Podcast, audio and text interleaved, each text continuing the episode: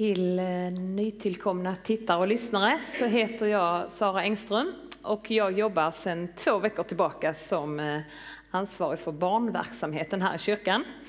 Eh, två roliga och förvirrande veckor kan man väl säga. Folk kommer och frågar mig saker och jag ja, har inte riktigt koll på allt ännu. Det kommer nog så småningom. Vi var på väg hem från gudstjänsten förra söndagen i bilen och då berättade jag för vår fyraåriga son Simon att jag skulle stå här på scenen och predika idag. Oj, alltså hans första kommentar. Och så frågade jag, vad tycker du jag ska prata om? Traktorer. Högst oväntat. Jaha, vad ska jag berätta om dem då? Två saker. Hjulen och avgasröret.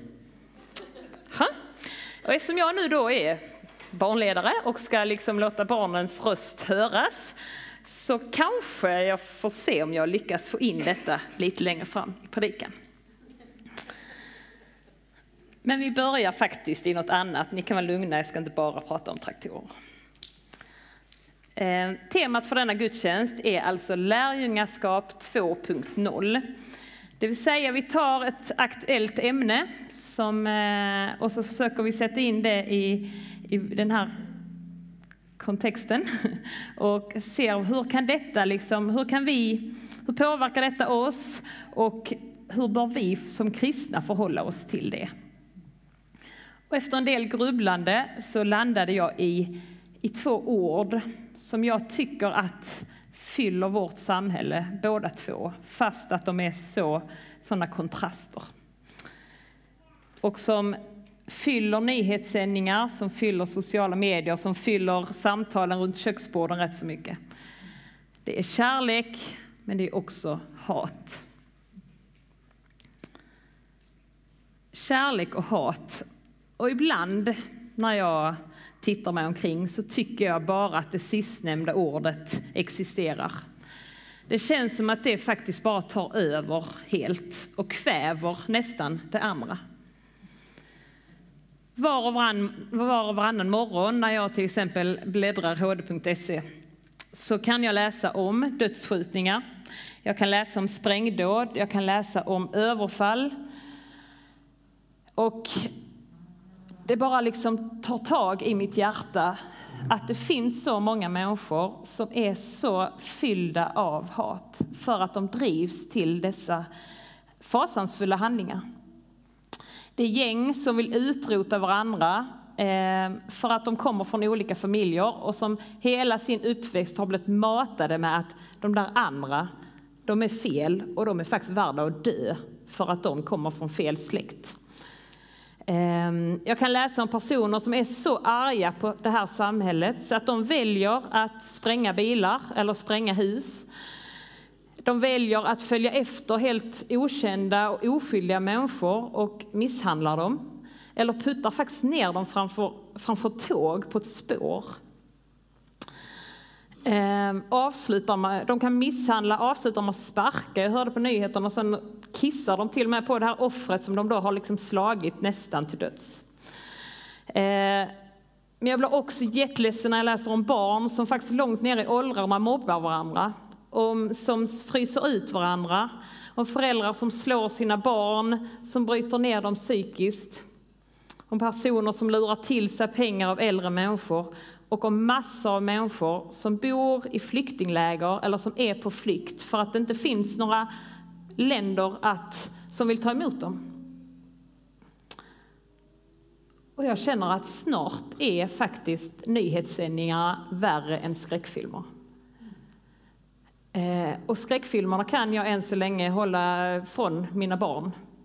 Men verkligheten är svår att, att undanhålla dem. Det är där vi lever liksom.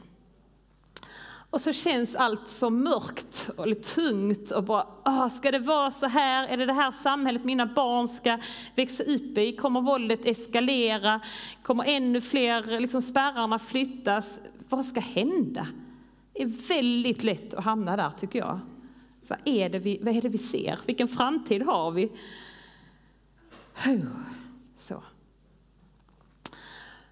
så sitter jag i bilen på väg hem från en av mina första arbetsdagar här. Och så lyssnar jag på Studio 1 i P1. Och så är det ett reportage om just ett sprängdåd i Stockholm i ett bostadsområde på Dalagatan. Och de intervjuar några av de boende där.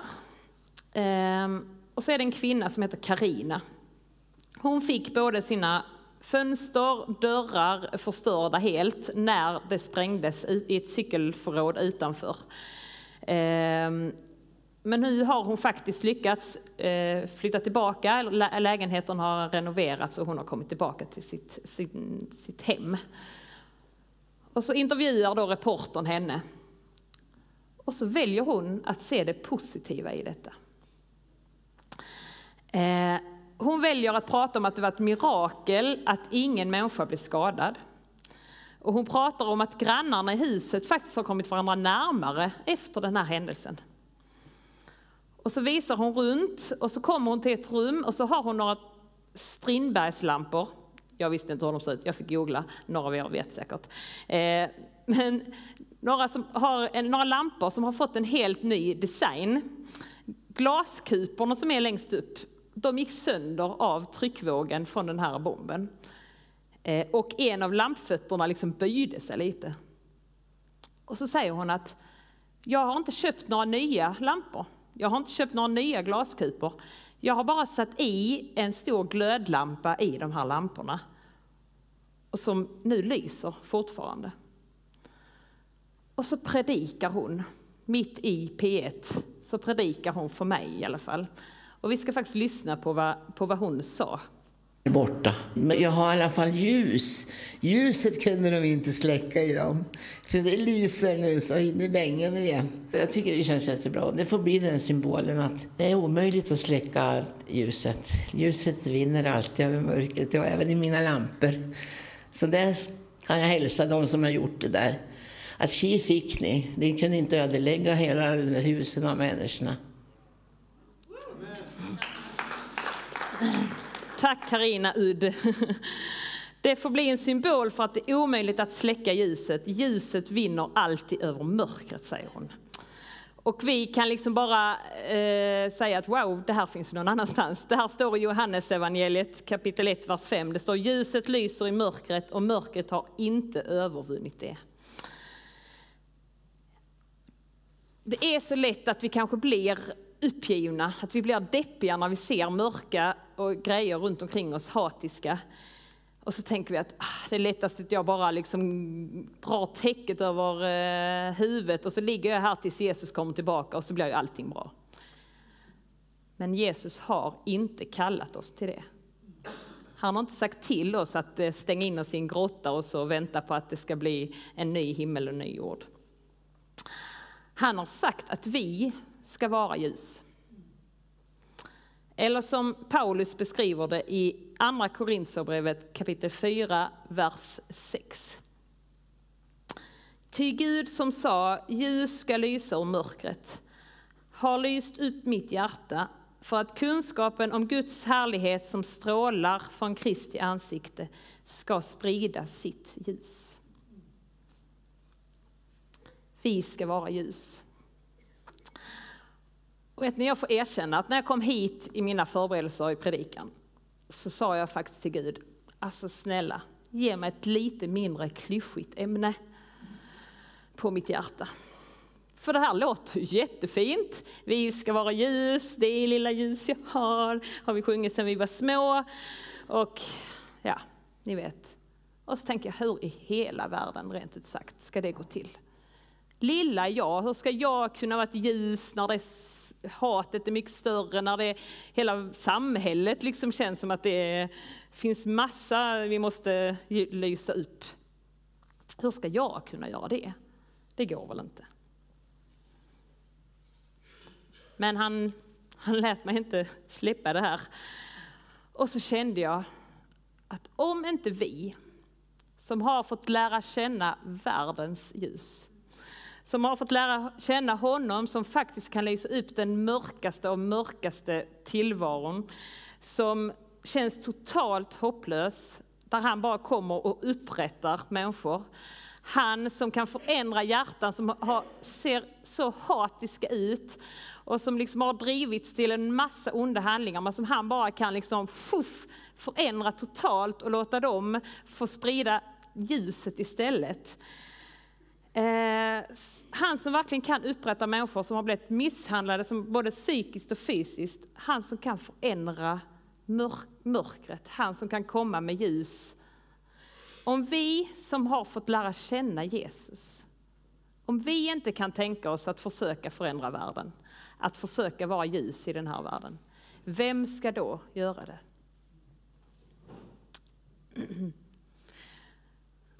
Och när jag tänkte på att min insats ofta känns rätt så pluttig, så kom jag att tänka på en eh, pojke i Bibeln.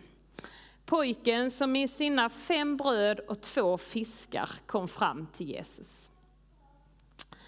Med ett barns naiva tro på att det lilla faktiskt kan få betyda mycket. Så kom den här lilla killen och gav sin lilla matsäck till Jesus. När han fick höra att det inte fanns någon mat. Och hans första instinkt var då, men jag har ju lite mat, då kan jag ju liksom komma med den. Medan lärjungarna bara såg alla dessa tusentals människor som satt, som hade kommit för att lyssna på Jesus och de hade insett att just det, vi har ingen mat till dem. Det börjar bli mörkt, det börjar bli, alla är hungriga. Det här går ju inte, vi får skicka hem dem. Vi, det funkar inte det här, det löser inte sig. Eh, och de, bara, de såg bara problemen liksom. Men pojken ville så gärna hjälpa till. Han ville, han ville göra det lilla han kan. Och kanske var det så att han faktiskt hade förstått mer av vem Jesus var än de vuxna. Ibland kanske barnen fattar mer än vi. För att vi ska vara så rationella, vi ska tänka så många steg. Medan barnen bara ser, wow, Jesus han är fantastisk, han kan göra allt. Ja, och det räcker. Liksom. Och jag tänker att den här gesten från pojken betyder inte bara att faktiskt alla människorna blev mätta, att alla människorna fick mat i sig. Utan också att Jesus makt, storhet fick bara manifesteras. Och att vi än idag pratar om denna händelse. Som ett tecken på att Jesus kan göra allt. Så fick den här lille pojken bidra med det lilla han kunde. Författaren och pastorn Thomas Sjödin har skrivit många kloka saker. Och I sin senaste krönikebok så skriver han om någonting som han kallar myrsteg. Ursprungligen hade det här uttrycket myntats när han och hans bror eh, var små. Och när hans föräldrar sa till dem då att nu måste ni faktiskt gå och lägga er, detta är sista varningen typ. Och då hade de kommit på ett sätt att få vara uppe lite längre för då gick de mot sovrummet, men de gick så här. Med myrsteg. Så små, så små steg. Barnen har gått nu så det är ingen som vi ger eh, tips till. Vera lyssnar inte. Så små, så små, så små steg. Så att det tog det ju jättelång tid att komma till sovrummet. Men de gick, gjorde ju faktiskt det de skulle, men på ett lite ja, segt sätt kan man säga. I alla fall, han hade inte tänkt på det här ordet på länge, men så hade han fått höra ett citat i radion ur Talmud, alltså judarnas skriftsamling. Och då stod det så här. Bli inte nedslagen av världens enorma sorg. Gör det rätta nu, var barmhärtig nu, gå i ödmjukhet nu. Du är inte förpliktad att fullborda arbetet men du är heller inte fri att överge det. Du eller jag kan inte själva rädda världen över en natt. Inget politikerbeslut, ingen straffskärpning, ingen hjälpaktion eller klädinsamling eller vad det nu är kan göra det heller. Men vi kan haka på Sjödins myrstegsrevolution som han kallar det. Som innebär att miljoner människor flyttar sig långsamt och uthålligt mot den värld vi drömmer om. Och han var inte först med den här tanken. Lina Sandell skrev redan 1885 Gör det lilla du kan och se icke därpå att så ringa så litet det är. Ty hur skulle du då väl med lust kunna gå dit din mästare sänder dig här? Är det uppdrag du fått än så ringa i sig? O, var nöjd att han gav det åt dig. Och vet ni vad det fina är? Det är väldigt många människor i världen som gör det här. Som gör det lilla de kan. Som gör det stora de kan ibland. Och vår värld är fylld av så mycket kärlek också. Får inte glömma bort det. Och då tänker jag faktiskt inte i första hand på den hjärtliga dagen som enligt affärerna och kalendern inföll i fredags. Även om det inte är något fel med en dag med extra kärlek. Men för mig blev kärlek så mycket tydligare eh, vid en helt annan hjärtdag i somras. När inga affärer hade hjärtan eller choklad i skyltfönstren. Det var en dag, en morgon, när det faktiskt inte gick längre. Eh, min pappa, vars hjärta länge hade protesterat, sa till slut stopp. Nu går det inte längre. Så morgonutfodringen av djuren byttes hastigt mot en ambulansfärd till sjukhuset istället. Och det visade sig att i princip alla kärl i hjärtat var nästan igensatta. Eh, att tråden var väldigt tunn. Några dagar, oroliga dagar följde eh, innan han gjorde en bypassoperation eh, och klarade sig. Eh, och som anställd på ett vanligt jobb så hade ju faktiskt sjukskrivning bara varit ett telefonsamtal bort, även om det hade kunnat ställa till det för många. Men är man eh, bonde, som min pappa, så är det inte riktigt lika enkelt. Eh, läget blir betydligt mer komplicerat och väldigt akut. För djuren tar ju inte hänsyn till sådana här omständigheter. De vill ha mat, en del kor vill mjölkas, även om deras ägare ligger på operationsbordet. Man kan liksom inte ringa till eh, korna och säga att alltså, vi avbokar vattenleveransen idag, kommer om några veckor. Eller säga till grisarna att eh, vi tar mötet lite längre fram. Ehm, och det är en sån här eh, händelse som betydelsen av skyddsnät, av kontakter, av människor som bryr sig blir så tydlig. Och kärleken och omtanken blir som allra finast, i alla fall för mig. För där fanns det människor runt omkring pappa som hoppade in, som pusslade ihop resten av sin kanske rätt så hektiska vardag för att kunna hjälpa till. Som helt självklart bara sa att jag kommer, jag ställer upp, vi fixar det här. Som såg till att djuren mådde bra, som såg till att pappa fick liksom ta tid på sig att faktiskt bli frisk utan att känna sig stressad. Ehm, och lät hans kropp läka. Och han som alltid ställer upp för alla andra fick nu faktiskt ta emot hjälp. Allt vad ni vill att människorna ska göra för er, det ska ni göra för dem. Det blev bara så realiserat tyckte jag. Och när jag då dessutom då har två barn som har morfar som idol så blev ju kärleken inte mindre tydlig när han kom tillbaka och de fick åka lastmaskin med honom igen. Och jag tänker ibland att vi behöver berätta om sådana här händelser för varandra. Sprida de här kärleksfulla händelserna som vi är med om. Sprida de eh, berättelserna som verkligen bara kan känna att wow, det här finns också i vår värld. Eh, vi gör det här för varandra, vi får vara ljus i vår eh, närhet, i vår vardag. Och var inte rädda för att tänka att ah, men det kan jag inte berätta för det är lite jante. Nej, vi ska berätta det, vi ska fylla världen med sånt här. Så att det är det som tar över. Liksom.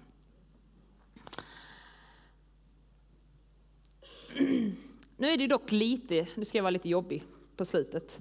Ehm, för den här kärleken till människor som finns i min närhet, som är kanske min familj, mina vänner, den är kanske inte okomplicerad, eller det är den ju inte. Eh, trodde jag. När, jag. när jag var singel trodde jag kanske att den var okomplicerad. Nu vet jag att den inte är det. Eh, men den är ändå oftast inte så svår att känna. Alltså oftast känner jag ju ändå att jag älskar ju min man eller min vän eller vad det nu är, fast att vi kan ha lite olika åsikter. Men den finns där, kärleken. Men så finns det ju de där människorna som jag faktiskt har väldigt svårt för. Som jag faktiskt ogillar väldigt starkt. Som jag nästan kanske känner hat till. Och, eller kanske i alla fall likgiltighet. Och så måste det väl få vara?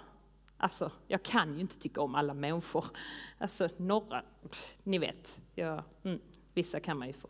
Så. Och så läser jag ur Matteus evangeliet kapitel 5. Jesus sa, ni har hört att det blev sagt, du ska älska din nästa och hata din fiende. Men jag säger er, älska era fiender och be för dem som förföljer er. Då blir ni himmelske faders, era himmelske faders söner. Ty han låter sin sol gå upp över onda och goda och låter det regna över rättfärdiga och orättfärdiga. Om ni älskar dem som älskar er, ska ni då ha lön för det? Gör inte tullindrivarna likadant? Och om ni hälsar vänligt på era bröder och bara på dem, gör ni då något märkvärdigt? Gör inte hedningarna likadant? Var fullkomliga så som er fader i himlen är fullkomlig. Ha. Vet ni, kanske är det nu vi behöver traktorn. Nu kommer den.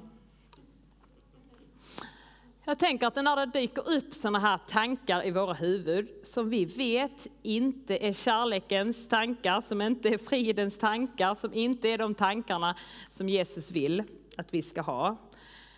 Så får vi kanske kom, så får vi komma med dem till Jesus och så får vi låta honom vara vårt avgassystem och be honom att rena våra tankar. Och ibland, ibland tänker jag att det kanske blir en kamp att faktiskt försöka förändra vårt sätt att tänka, prata, göra. Ehm, och kanske får vi jobba med oss själva i det här. Och det kommer kännas lite motigt. Men precis som vissa motorer blir starkare av ett motstånd, så kan även vi bli det när vi kommer ut genom röret. När vi har gått genom reningen så kommer vi ut starkare.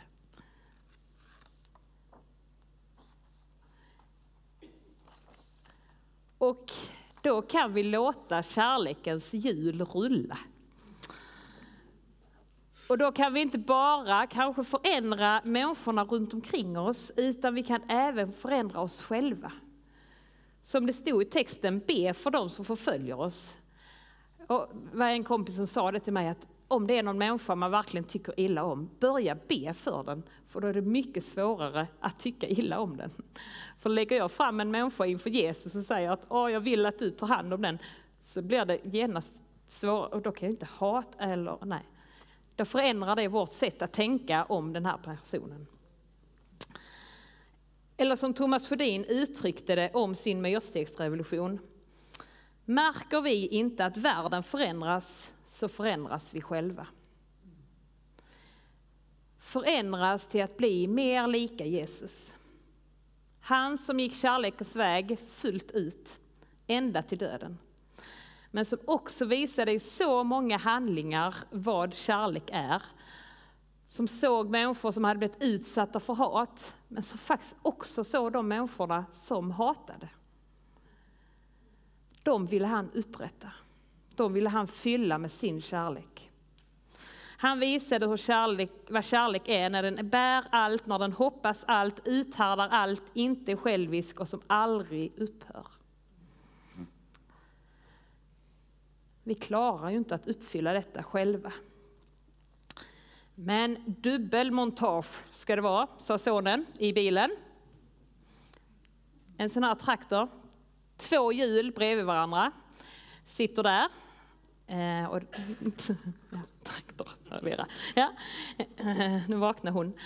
Eh, jag tänker så här, genom att leva lika nära Jesus som de här hjulen faktiskt sitter varandra, så slirar vi inte lika lätt i livet.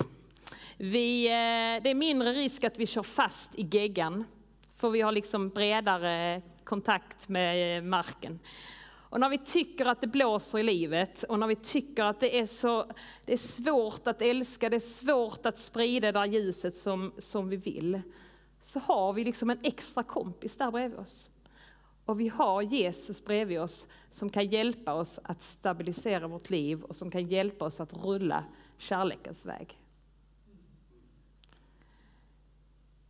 Ljuset lyser i mörkret och mörkret har inte övervunnit det. Amen.